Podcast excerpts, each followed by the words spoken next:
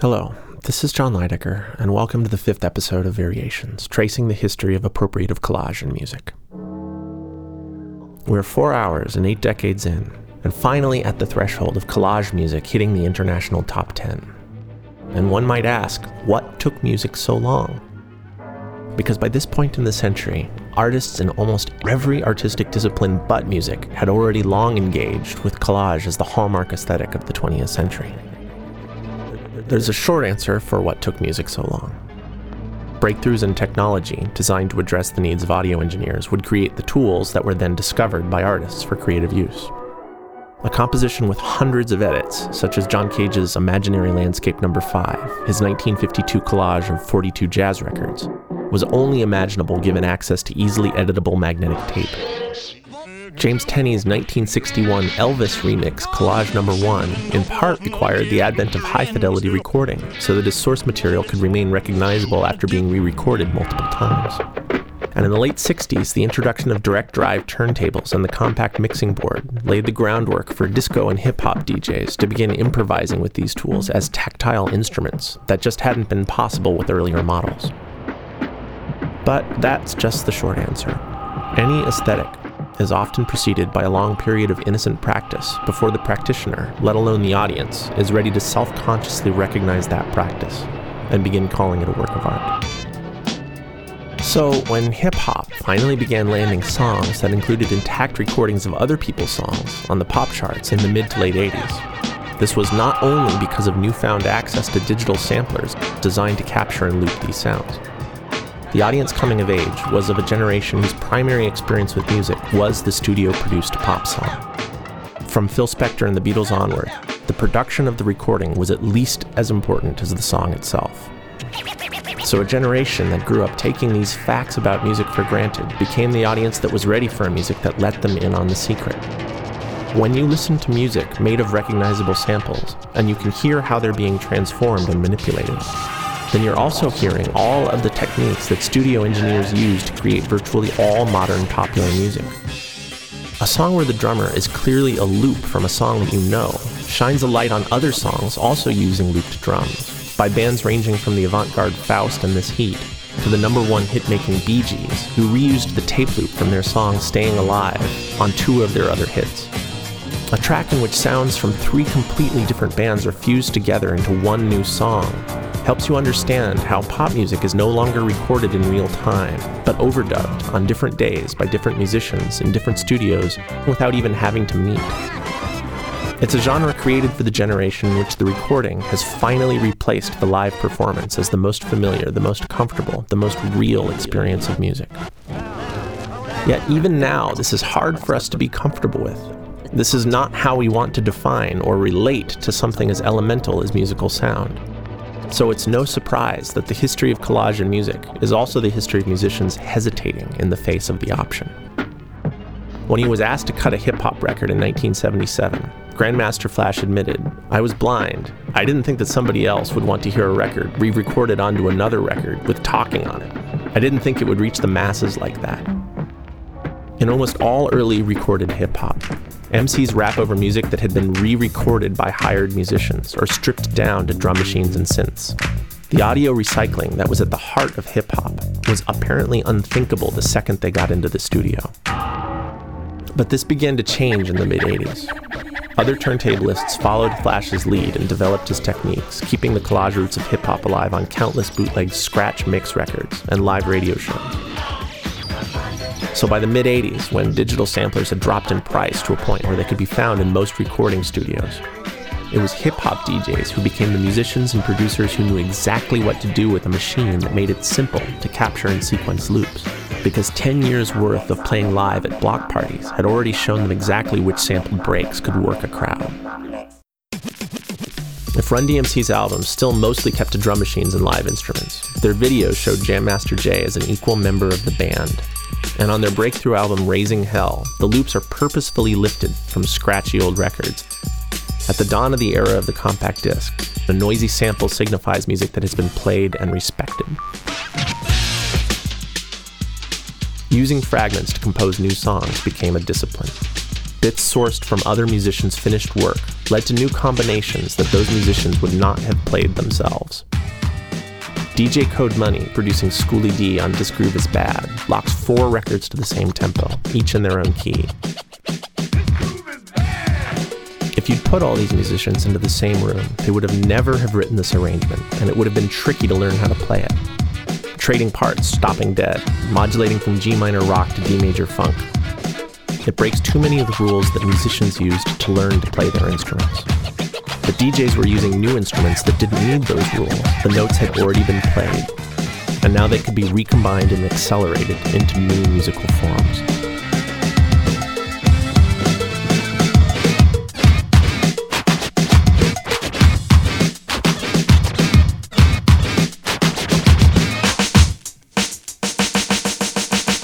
Marley Marl's production for MC Shan's The Bridge went for samples that contained more hissing vinyl noise than music less nostalgic than futurist.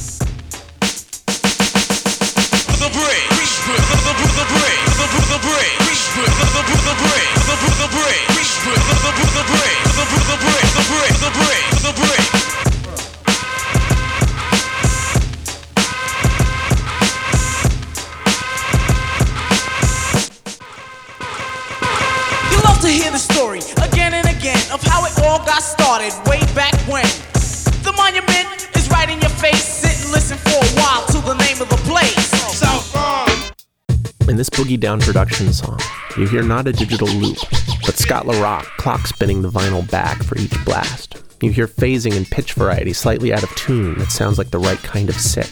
This was studio music that the old instruments could not play.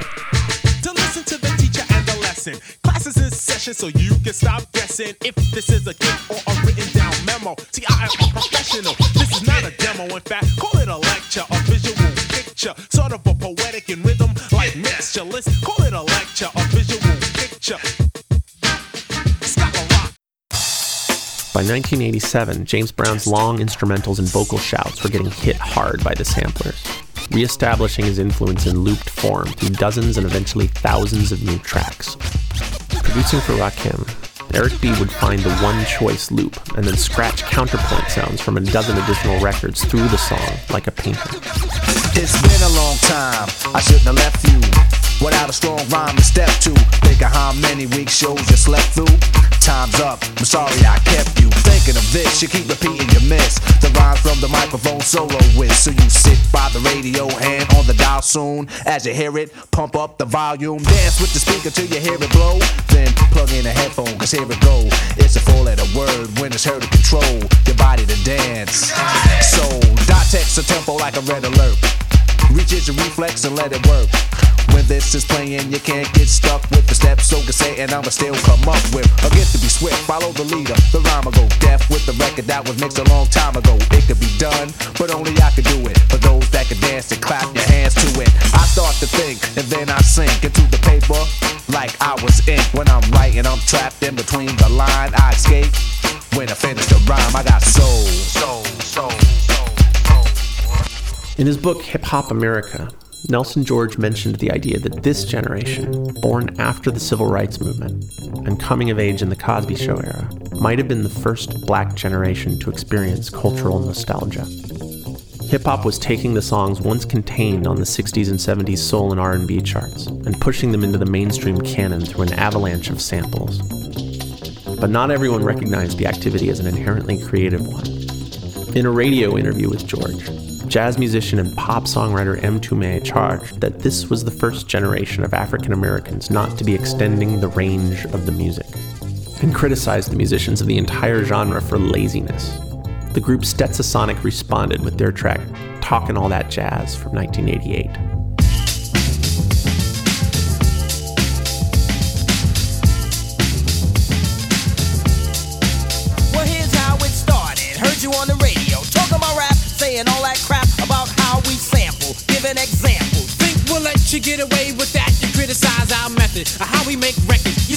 It art, so now we're gonna rip you apart.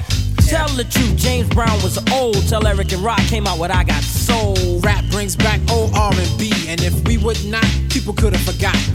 We wanna make this perfectly clear. We're talented and strong and have no fear of those who choose to judge but lack pizzazz. Talking all that jazz.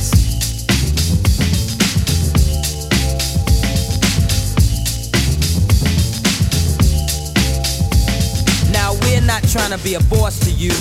We just want to get across to you that if you're talking jazz, the situation is a no-win. You might even get hurt, my friend. Stetsasonic could have made the argument that sampling had always been part of the jazz tradition. Jazz had been the first form of music to find global success while getting to stay largely an oral tradition. Thanks to recordings, the sound of jazz went international in a way that it couldn't have in written form as sheet music. While improvising, musicians freely borrowed each other's styles and used fragments of each other's tunes, sometimes to pay tribute and sometimes to parody. In Louis Armstrong's cover of Fats Waller, Ain't Misbehavin' from 1929, he carefully drops a quote from Gershwin's Rhapsody in Blue early into his solo. You can read this as kind of a tip of the hat to Gershwin, or you can read it as Louis snatching the hat off of Gershwin's head and putting it back on his own. Either way, this proved to be Armstrong's big crossover hit to a new audience. Then, Armstrong's recorded solos, as well as those of all of his true contemporaries, entered the lexicon for the next generation of players. By the 40s and the rise of bebop, Charlie Parker could drop fragments of his favorite solos into his own improvisations, putting the melodies into a different context over new chord sequences. If you were listening closely just there, maybe you noticed Charlie Parker's quotation from the famous Louis Armstrong introduction to West End Blues, showing that sometimes the new school does borrow from the old. You gotta love sample train spotting from 1949. For all of these reasons, it is obvious that hip hop was expanding and consolidating the traditions of black American music. DJs were using found sounds with a new concept of how music could be organized, editors of their own history.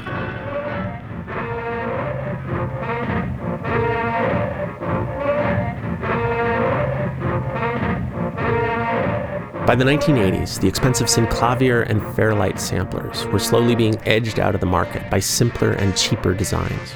In 1984, the Ensoniq Mirage hit the market for under $2,000, quickly followed by Akai's S612 in 1985. In 87 and 88, the EMU SP1200, a combination drum machine and mixing board, and Akai's MPC 60 with its tactile playable drum pads could both be used as standalone workstations, a studio in a box. And in 1985, so much more than a toy. Casio's SK1 made its way into countless homes at a price point of just over a hundred bucks.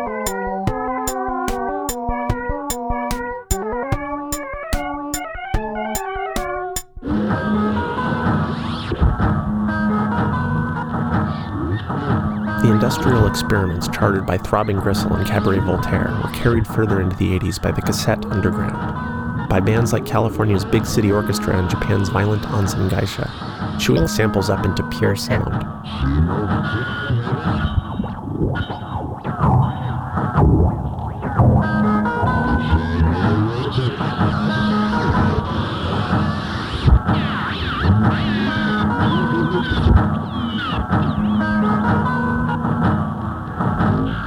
Slowly moving closer towards a form of dance music was the Australian group Severed Heads.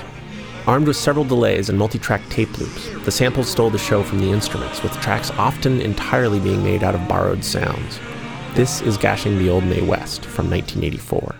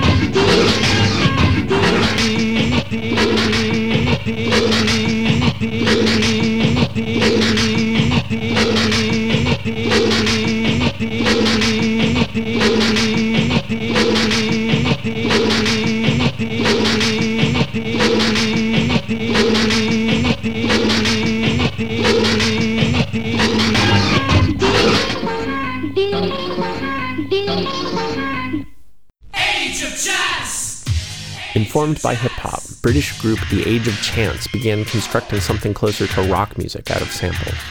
Their Kiss Power 12 inch from 1986 is like an industrial take on hip hop's bootleg scratch mixes, and might have actually even been released if the label executives hadn't heard it first and gotten nervous.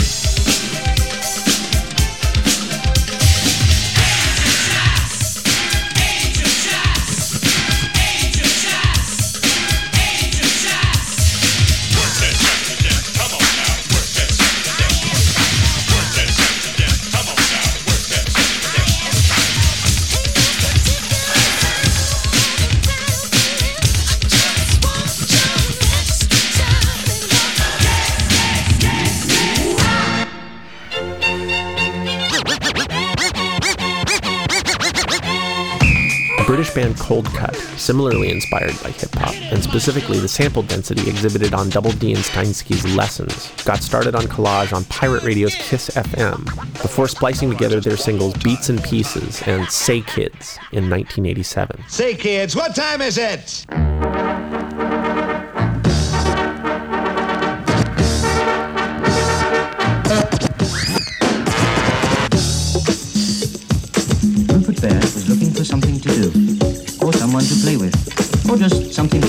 Exciting and dangerous to happen.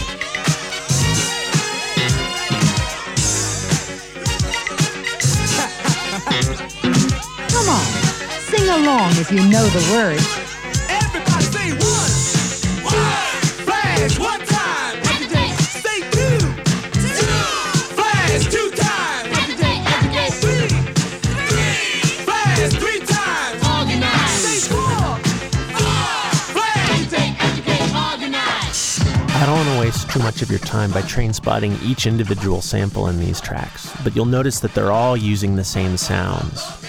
Because by this point, it's obviously a movement, and each new artist included themselves in the movement by using the same samples and carrying them forward. Say, kids. Say, kids. Say, kids, what time is it?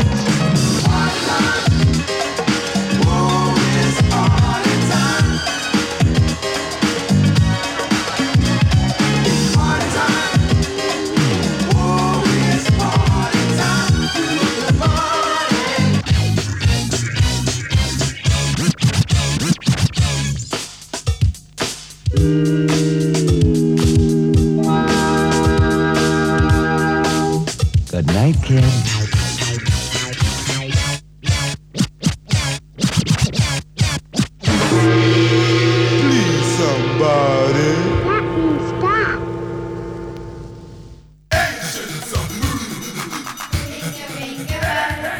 Also in early 1987, two British musicians recovering from over-involvement in the record industry united to form the Justified Ancients of Mu Mu. Steered towards collage by both American hip hop and French situationism, their first single, All You Need Is Love, contained a rap about AIDS, set to samples by the Beatles and pinup star Samantha Fox, a pop song using pop music to critique pop culture. Their debut album, 1987, What the F Is Going On, was eventually the target of a lawsuit from the pop group ABBA over the track The Queen and I. The Justified Ancients of Mu settled out of court and followed it up with a version of the album with all of the illegal samples removed and a set of instructions on how to edit them back in.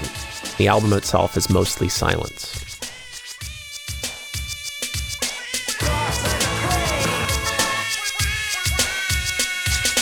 The Mu Mus had mastered the trick of gaining media attention.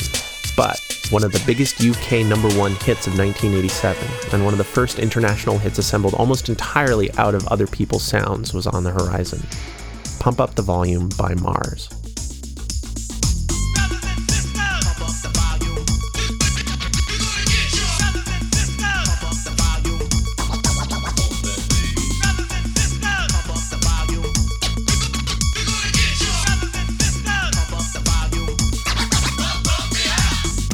Volume, pump up the volume, pump up the volume, dance, dance.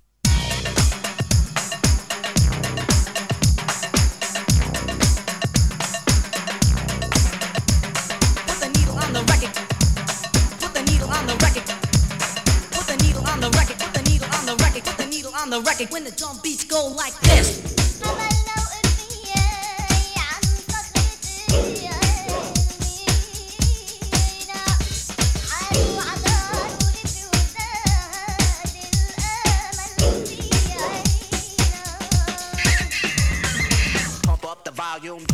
Volume, pump up the volume, dance, dance. This was a hit nominated for a Grammy as an instrumental, which is funny because it's covered with vocals, but these vocals are clearly edited, leaving the listener to turn to the editor himself as the real voice of the song. Assembled from 30 records, the title is a sample of Rakim, cloned into a riff. And they even go to the same Dunya Yunis record sampled by Byrne and Eno in 1981 for My Life in the Bush of Ghosts. The aesthetic that had begun in the world music collages of the 60s finally culminating in a chart topping radio hit. The names have been changed to protect the innocent. Right on the heels of that was a virtual clone of a track called Beat Dis by UK producer Bomb the Bass. In these tracks, all of the editing techniques are basically lifted wholesale from New York hip hop. This is a journey into sound. Stereophonic sound. But the main difference is there's no lead rapper. At the end of the track, everyone is conscious of the fact that they are applauding the editor. Magazine covers lauded the rise of DJ culture, and Bomb the Bass hit number two on the UK charts and number one on the US dance charts.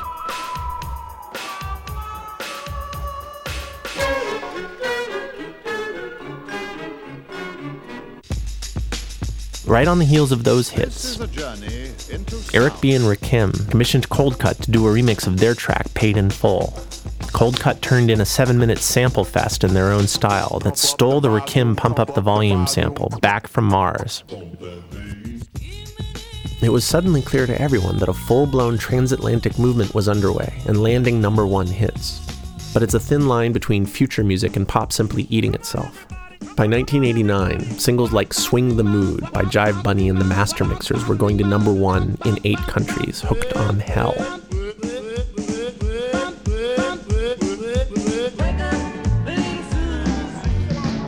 We have weirder music to talk about now. Nurse with Wound, a band which launched its career by listing their record collection in the jacket sleeve of their first album, was a band from the beginning with a collage aesthetic, often including samples of their favorite records alongside their own playing. But the collage went overt on their lounge and burlesque music cut-up album, Sylvie and Babs Hi-Fi Companion, dragging sampling back towards surrealism in 1985.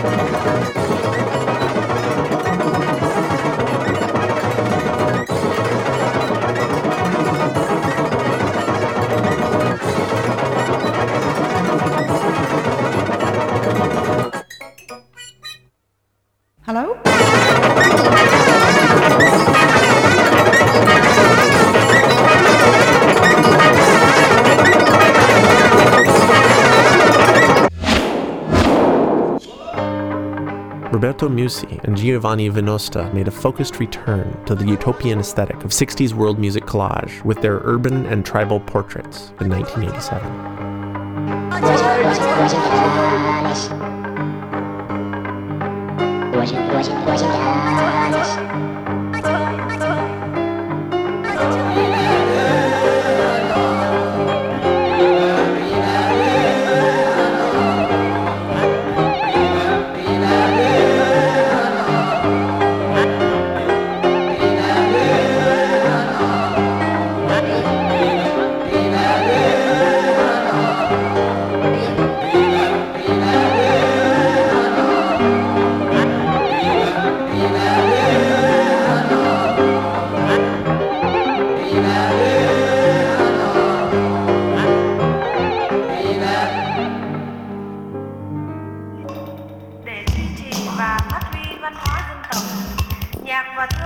Industrial than Mutant, Germany's Holger Hiller started his solo career by using a keyboard sampler to create bizarre arrangements for his pop songs.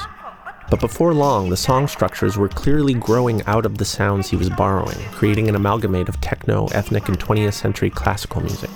From the orchestral mashups on his 1986 album Hyperprism.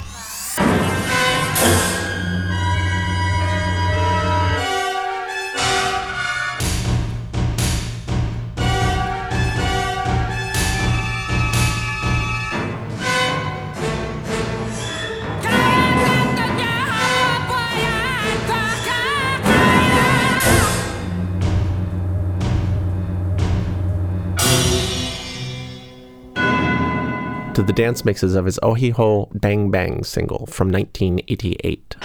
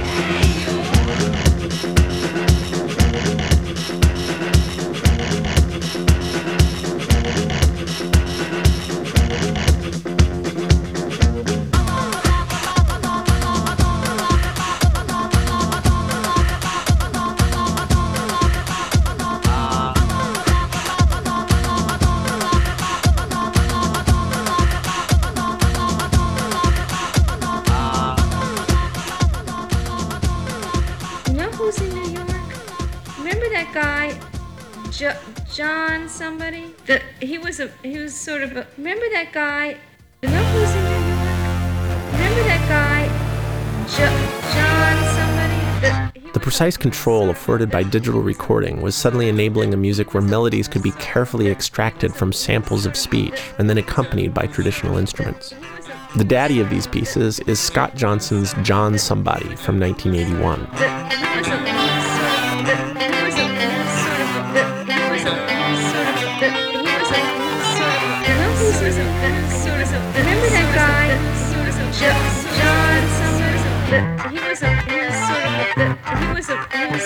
He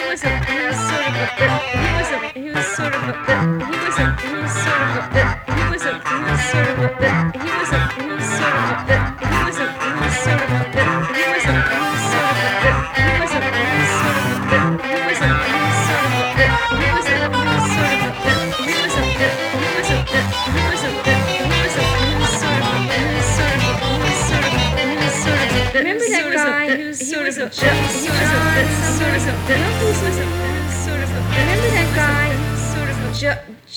somebody? Who's sort of who's sort of who's sort of who's sort of.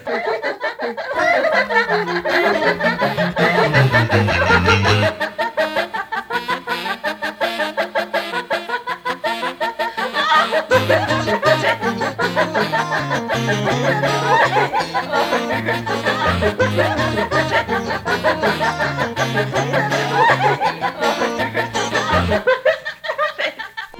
1985, Different Trains by Steve Reich used the digital sampler to return to the phasing techniques he investigated in his mid 60s tape loop pieces, this time accompanied by his score for traditional instruments.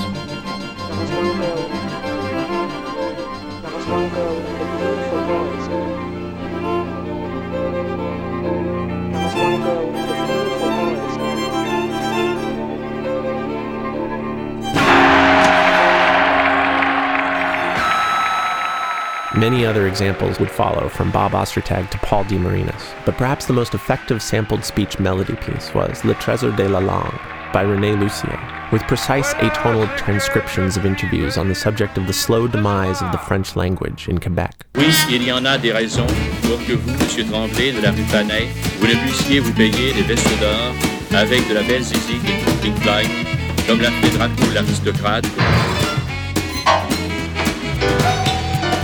Oui, il y en a des raisons pour que vous, Madame Lemay de Saint-Hyacinthe, vous ne puissiez vous payer des petits voyages en Floride, comme le font avec notre argent tous les sales juges et députés. Repeat after me. Cheap labor means main-d'œuvre à bon marché. Ces big boss de l'économie et de la politique prêts à toutes les bassesses pour mieux nous fourrer. Vive le Québec libre, vive les camarades prisonniers politiques, vive la Révolution québécoise, vive le Front de libération du Québec. Bearing the mark of a ravenous and diverse record collector, John Zorn's compositions level any distinctions between the art and pop music sources that he draws from. Influenced by seemingly anything interesting, from the hyper caffeinated tune collage scores of Carl Stalling for Warner Brothers cartoons, and the 60s destructions of avant gardist Mauricio Kagel. In his game pieces, culminating in the piece Cobra, a set for instructions for improvising ensembles, he sets musicians playing in different styles and genres against each other to create live music that often sounds like recordings being mixed. I remember seeing his 1989 group Naked City playing Speed Freaks in concert, a piece for a group that had grown up so familiar with high density tape collages that they now had the ability to play that kind of music live.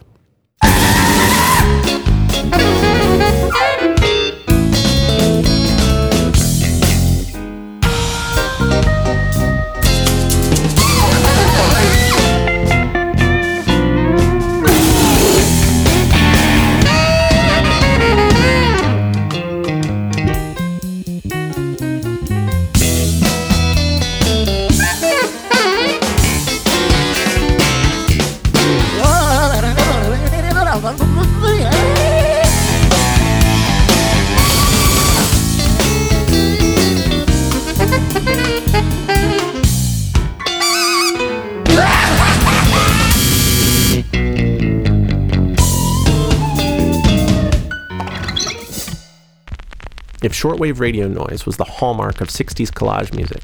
Scratching and hissing vinyl noise became the definitive artifact of 80s sampling. Christian Marclay's Record Without a Cover was sold without a cover so that each copy would age more quickly and in its own unique way. And his album Footsteps was first exhibited on the floor of the gallery to be walked on before being put back in their covers and sold.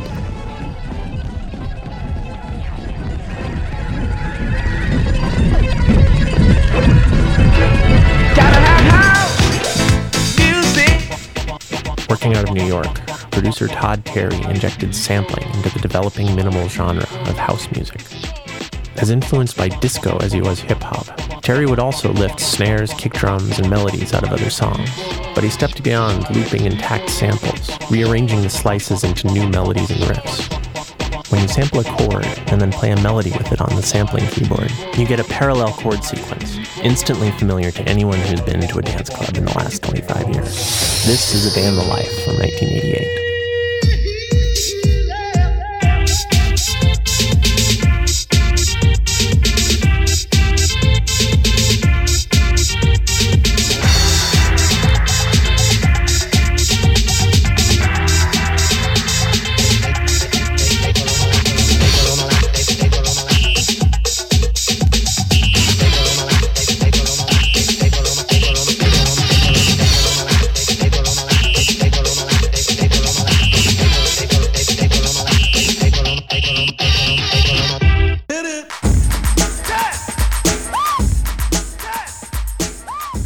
Hop was largely about the loop, skipping straight to the peak part of the record and extending it out into ecstatic trance music.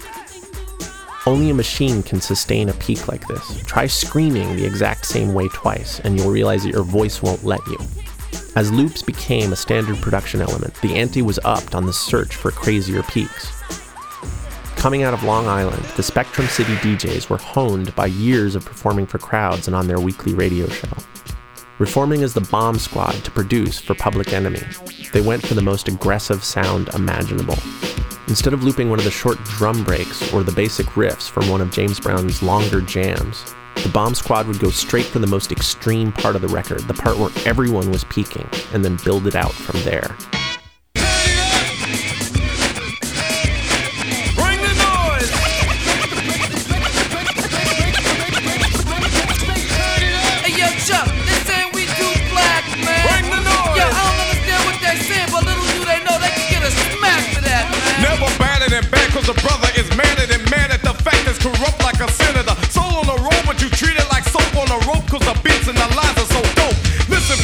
For I'm saying inside music that the critics are blasting me for. They'll never care for the brothers and sisters. Why? Cause the country has us up for the war. We got to get them straight. Come on now, they're gonna have to wait till we get it right. Radio stations are questioning their blackness. They call us a black, but we'll see if they'll play this. In the studio, Public Enemy added layers over the loops like a live band. Nearly every bar has its own detail, a new sample, a rough sound, an endless barrage of information. Spoken word samples captured from the civil rights movement, local radio shows, classic soul records act as call and response to Chuck D's raps. Often acclaimed as the definitive album from the golden age of hip hop, on PE's second album, it takes a nation of millions to hold us back. Every sound you hear is to a purpose.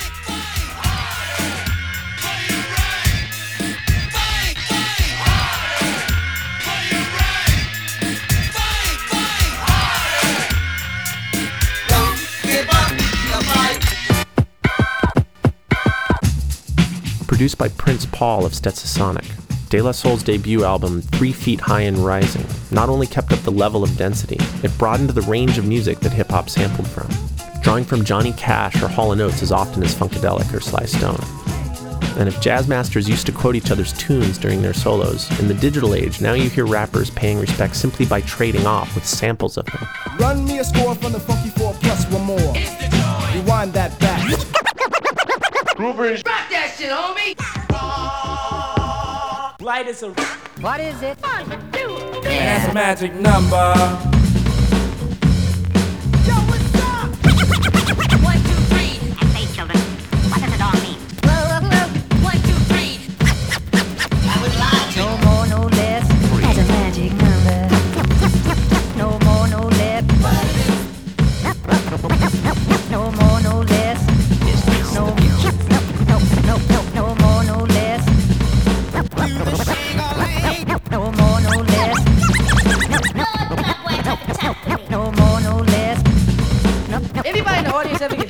Car? No more, no less.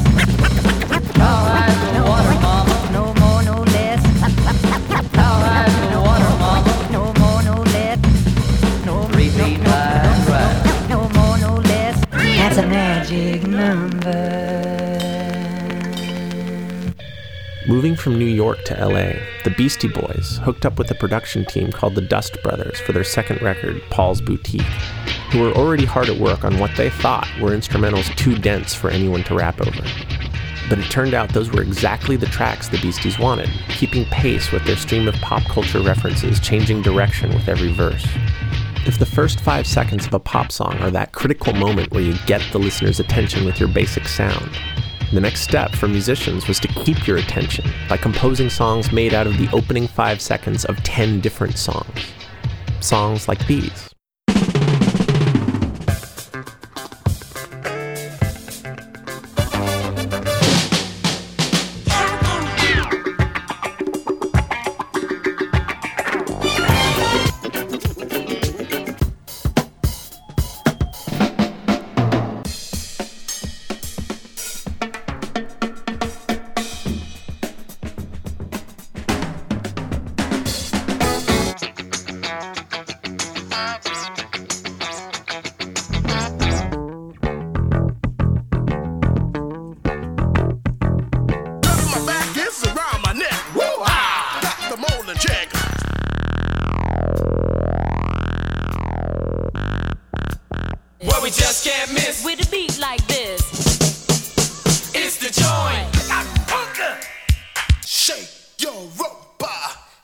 How those basic ingredients come together in the Beastie Boys song Shake Your Rump.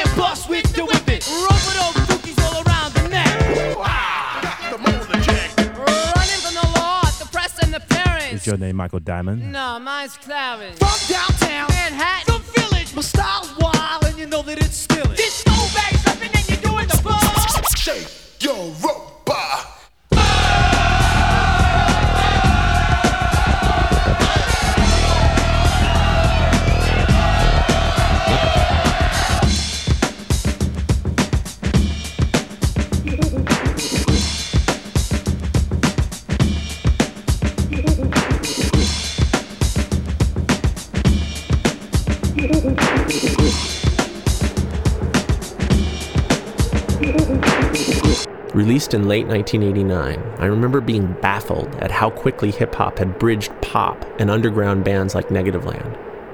But there was another album that had just been released that would push back the definitions of what was possible even farther. Canadian John Oswald spent the 70s refining his alto sax playing, slowly removing any sense of traditional tone or melody from his sound, while developing a sense of composition through editing the tapes of his improvisations. But the line between the sounds he recorded from scratch and the games he enjoyed playing with other people's recordings started to blur. One of his pieces for dance borrowed a guitar sample from the Beatles, which he intended to re record later, only to find that it changed the piece too much when he replaced it. This led to the Mystery Tapes, a series of mixes cutting together entire songs and voices. but sometimes backwards or at different speeds, and with maximum use of odd juxtapositions. Slowly, the editing took over, to the point where Oswald found himself a composer who entirely used the sounds of other people. And the other thing is, don't get a puppy that's too big for your home. 科学特捜隊本部ではゴモラ空輸の会議が開かれている。 Where? The facilities are now enormous. This is where the young composer feeds a fragment of it into several tape recorders and gradually.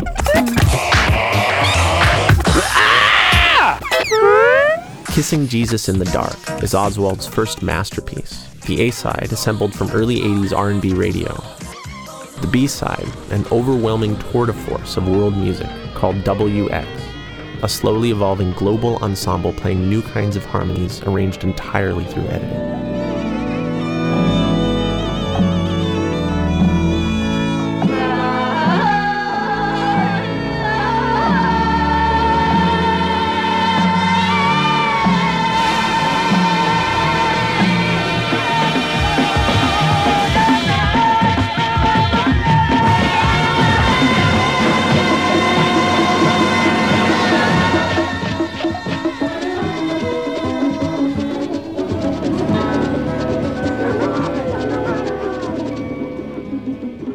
Much as Stockhausen was hardly the first to explore electronic music, but perhaps the most formal and lucid in the writings that would accompany each of his pieces. Oswald's 1985 essay, Plunderphonics, or Audio Piracy as a Compositional Prerogative, laid out the terms, the stakes, and the implications of composing with other people's sounds. And his 1989 album, Plunderphonic, put this writing into audible practice.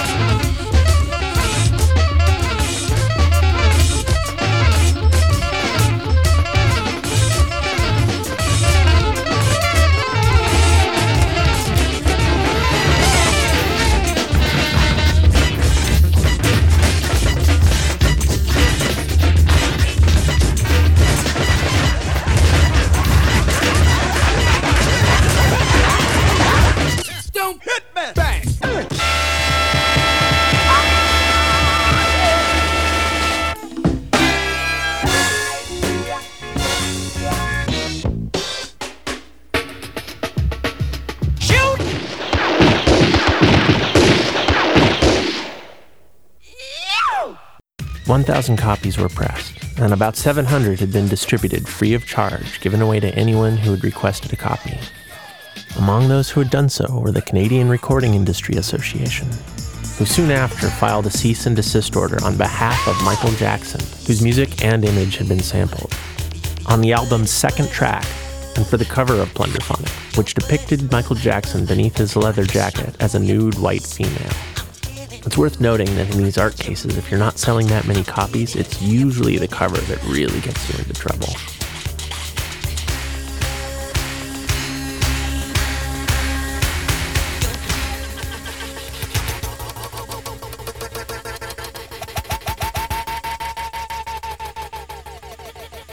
Essential to Oswald's definition of plunderphonics is full attribution of your sources.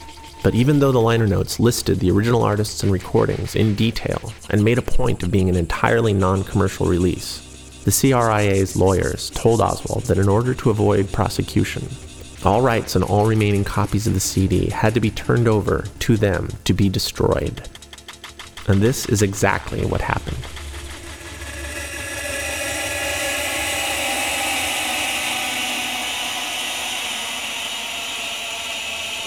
Important to pay attention to these cases where the law determines that a work of art is illegal and that all available copies of it need to be destroyed.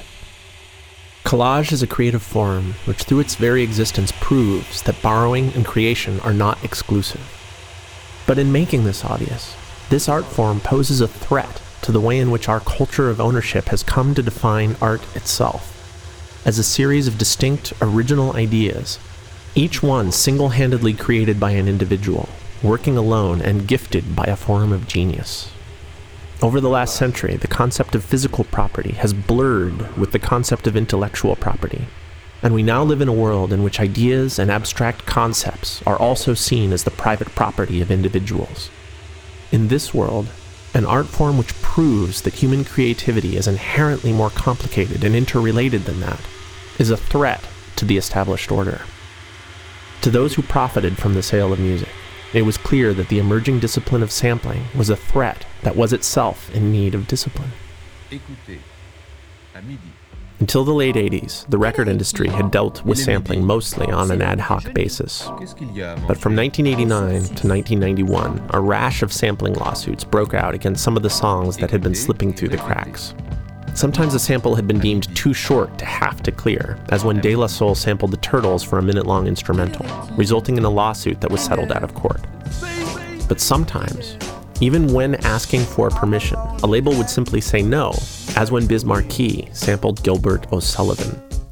The resulting lawsuit, settled in 1991, sent shockwaves across the industry when Judge Kevin Thomas Duffy opened his decision with the words, Thou shall not steal, finding for the plaintiff and recommending the case for further criminal prosecution.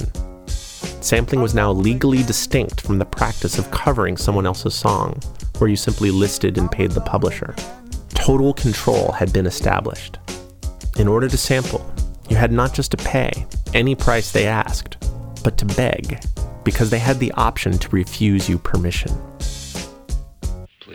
Some were surprised that the lawsuits also hit relatively non commercial artists like John Oswald and Negativland, who received a cease and desist for their notorious 1991 single U2. Dave Evans, nicknamed The Edge, on This is bullshit. Nobody cares. These guys are from England, and who gives a shit? Even with their provocative album covers, which were designed to attract attention, Squashing these releases seemed to many like a total overreaction, like using cannon fire against mosquitoes. Both Oswald and Negativland instantly settled out of court, lacking the funds to pursue their case. But in the years to come, would be approached by dozens of progressive lawyers offering their services for free should they ever be sued again. Biz's lawyers had blown their case. It was already clear that a strong argument for the artist's right to sample could be found in the concept of fair use a doctrine in U.S. copyright law allowing for the use of copyrighted material for commentary and criticism without requiring permission. When Roy Orbison's publishers sued Luther Campbell and the Two Live Crew, the case eventually went all the way to the Supreme Court. And finally, in 1994, the Supreme Court decided for the crew, arguing that their parody was fair use, regardless of the fact that their song was also a commercial release. It is no accident that an art music project such as Negativland has yet to be sued again, and that all subsequent lawsuits have always been commercial label against label, always deploying lawyers who are careful to argue strictly in terms of commerce and never in terms of art. The golden age of hip hop is often agreed upon as taking place between 1985 and the early 90s. After that, only producers who kept themselves to one, maybe two samples a song thrived, as the lawyers held up the release of De La Soul's second album for an entire year in a vain attempt to clear every last sample. Public Enemy's third album, Fear of a Black Planet, in 1990, a standard setting pinnacle of what can be done in pop music, was their last album produced by the Bomb Squad. By the time of their next album, each five second James Brown sample would have a price of $20,000 and climbing, making the production of an album with hundreds of samples an economic impossibility. The golden age of hip hop was literally brought to an end by lawyers. But beneath the entire racially tinged rhetoric over what constitutes theft and exactly who the real criminals are was fear fear of a truly revolutionary music that undermined the very concept of what it is that constitutes originality. If the lawyer seemed to win this round by cutting down a musical form at its creative and commercial peak, there was a larger fight ahead, challenging the record industry and everything it represented. A war that the industry was not going to be able to win. Matter of fact, it's safe to say that they would rather fight than switch.